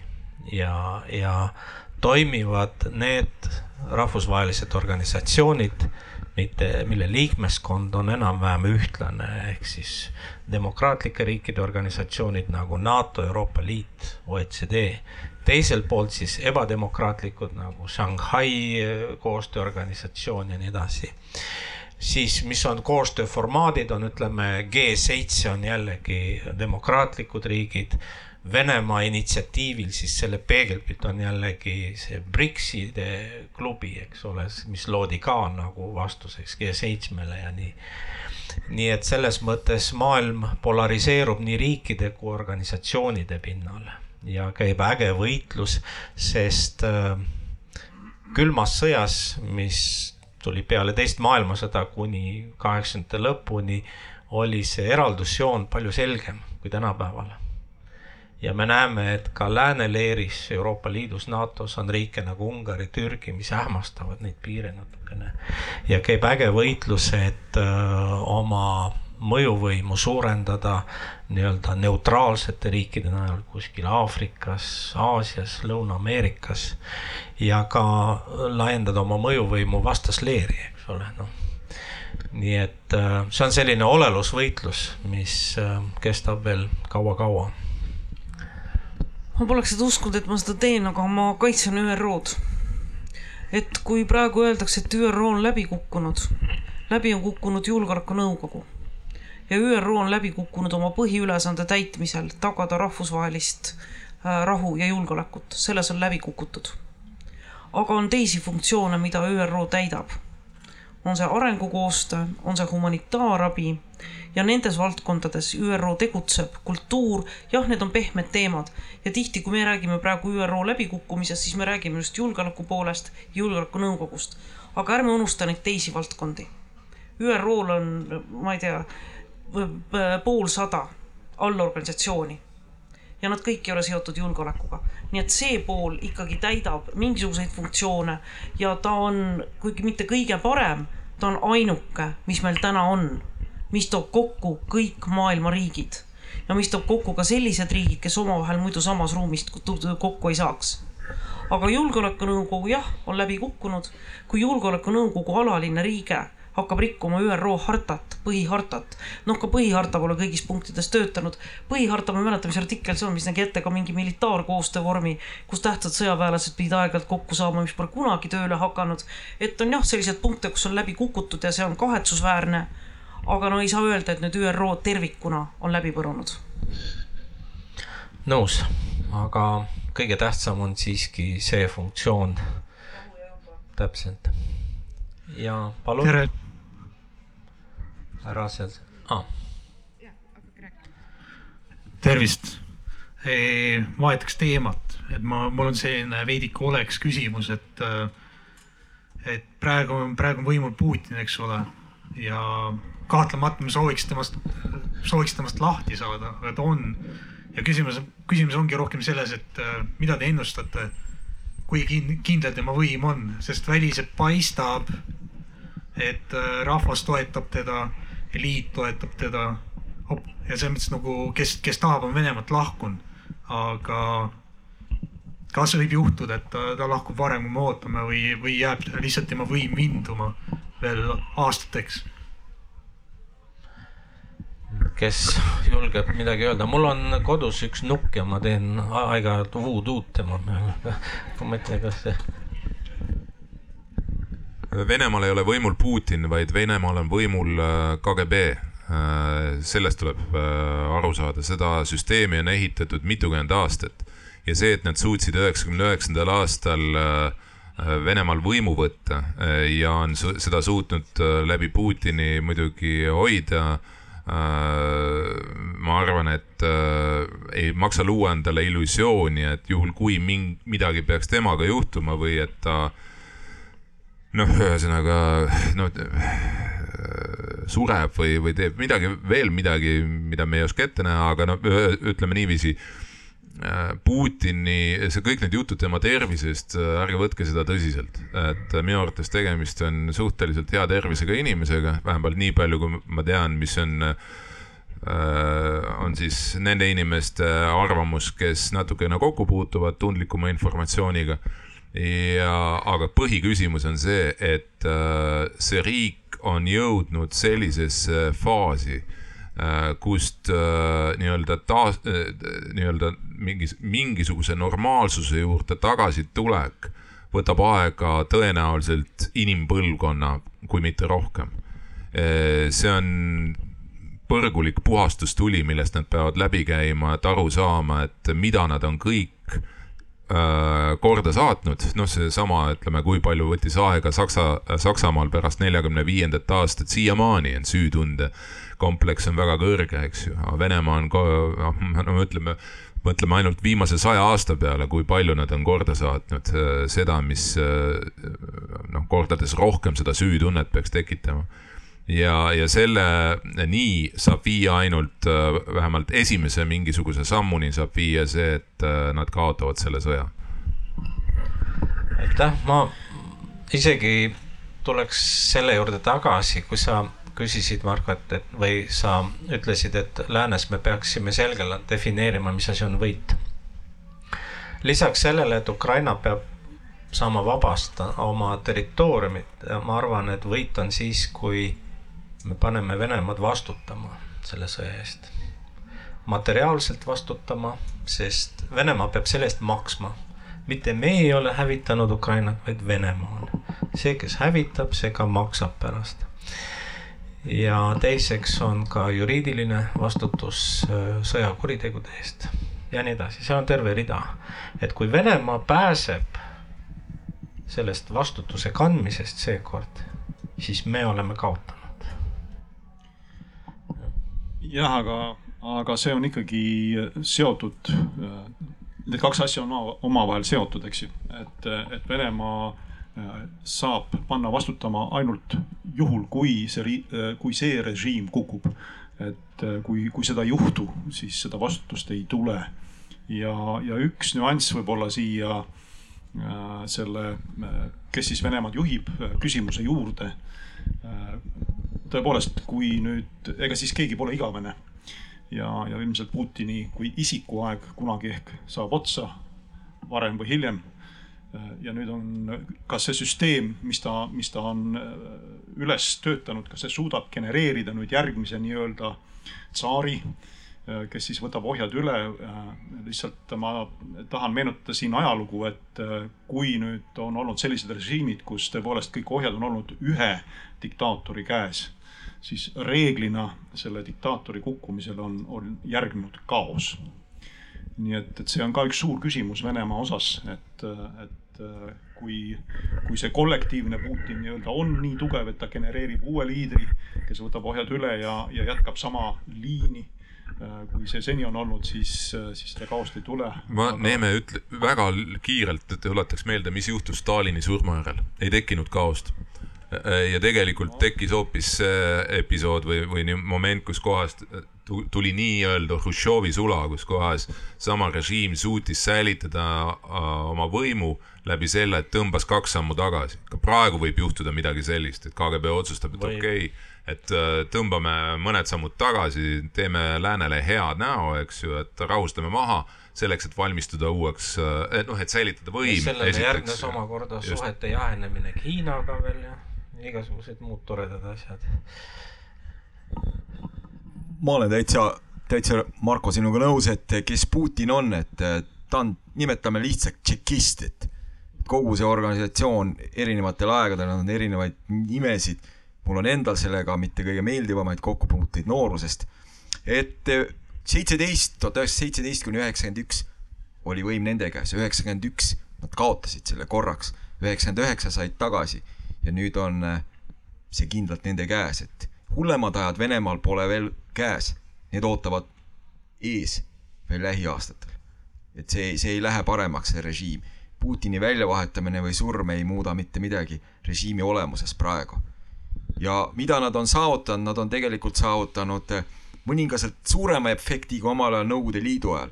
Nõukogude propaganda, ta ei töötanud sellepärast, et Nõukogude Liit oli liiga heterogeenne et see ei mõjunud Kesk-Aasias ja see ei mõjunud meil. nüüdne praegune propagandamasin, kuidas see töötab, et nende televisioon, kogu riigi meedia, see on äh, nagu, see, see zombistabki inimesi. ja kurb moment on see, et, et me võime öelda, et kolmandik kuni pool Vene elanikkonnast ongi nii selle, selle režiimi, nii režiimi kui sõja veendunud toetajad. ja seda on liiga palju et kas seal on mingi muutus või revolutsioon võimalik, kui esimene maailmasõda hakkas neliteist, siis punane revolutsioon tuli teatavasti tuhat üheksasada seitseteist, see võttis kolm aastat, see on ka üks põhjus, miks Venemaa ei ole, selleks, et sõda võita, ta peaks äh, kuulutama välja mobilisatsiooni ja sõjaseisukorra, mobiliseerima sõjaarmee. aga seda Venemaa ei ole teinud, sest see võibki viia selleni, et režiimiline režiim ise, selle säilimine kõige tähtsam. Täpselt. ja noh, miks Saksamaa muutus omal ajal? Saksamaa muutuski sellepärast, et see kaotus, mille nad said, oli totaalne. aga Saksamaa sai lüüa suurelt liitlasriikide koalitsioonilt, et võib-olla see kaotus Venemaa jaoks, noh, selle alandus peaks olema nii sügav, et, et panna seda režiimi nagu ja seda rahvast nagu muutuma ma ei kujuta ette, kui sügav see peaks olema, aga sel juhul see peakski olema selline, et, et just nende oma nii-öelda väiksem vend, Ukraina, keda nad läksid nii-öelda tapma ja kägistama, tekitab neile selle kaotuse. aga on selge, et üksi ta seda teha ei suuda, kuigi kui vaatame puhtalt arve, siis Venemaal on natuke peale saja viiekümne miljoni inimese. Ukrainas on nelikümmend neli, see on üks kolmele see on see vahekord, millega tegelikult pealetungija ei pruugi veel kaitsjat võita. et Ukrainat tervikuna, nagu ma ütlesin, ei saagi sõjaliselt võita, aga nüüd on, ongi küsimus selles, et kuidas Ukraina saaks võita. mida me siin püüdsime vastata. tegelikult Putin on läbi aastate rõhutanud ähm, oma seda, et tema jaoks on demograafia ja demograafilised probleemid on prioriteet, et nendega tegeleda ja nüüd ta ei varasta lihtsalt maid, vaid ta varastab ka inimesi. räägitakse, et okupeeriti Krimm, justkui poolsaar võeti ära, aga võeti ju kaks miljonit inimest ka ju sellega koos. pluss veel loodusressursid, infrastruktuur, kõik see. mis on aga oluline, kui rääkida Putinist ja kollektiivsest Putinist, ma arvan, on see, et, et see ei ole oluline, kui ainult Putin näiteks sureb ära või astub tagasi või sunnitakse tagasi astuma või vaid kui kogu see kollektiivne Putin kaob ära. sest vaadake, üheksakümne üheksandal aastal või õigemini esimesest jaanuarist kaks tuhat tuli võimule, tulid siis äh, need organid. ja see, sellel ei ole pretsedenti peale aastat tuhat üheksasada seitseteist. sest CK, äh, NKVD, KGB ja need kõik olid siiski mingisuguse poliitilise kontrolli all seal oli peasekretär, poliitbüroo ja nii edasi. Nad olid loomulikult repressiooni instrumendid ja nii edasi, aga nad olid kuidagi nagu ülevalt kontrollitud. nüüd siis need organid ise muutusid võimuks ja neid ei kontrolli enam mitte keegi, see on puhas KGB võim nii-öelda. ja see on, nagu me näeme, palju jubedam, kui, kui see on olnud äh, Nõukogude Liidu äh, äh, tingimustest. teevad täpselt, mis tahavad aga siin on meie aeg läbi saanud ja tahaksin teid tänada, paneliste ja palun siis neile üks suur aplaus. sõõdega kõiki kõike teha. puudub laud ja mängida tahtsime peale.